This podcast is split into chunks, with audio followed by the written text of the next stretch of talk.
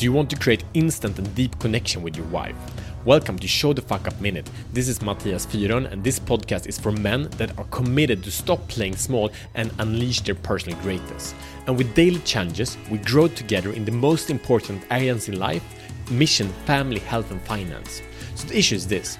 As a man, we want to solve problems and move forward, but our wives want to be heard, understood, and recognized. By fixing things for her, we think that we are nice and helpful, but when we listen to her stories with the mindset of trying to solve her problems, she feels unseen, unheard, and not understood. It makes her close down and she loses the trust. And guys, forget about sex. So the solution is this be her harbor.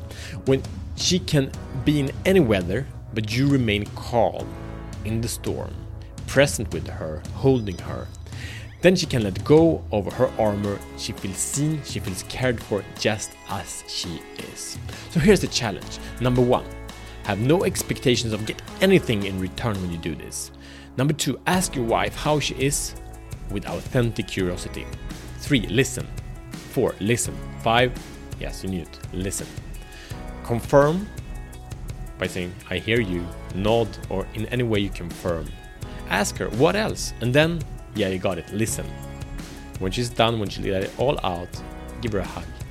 And expect nothing in return. Now, commit.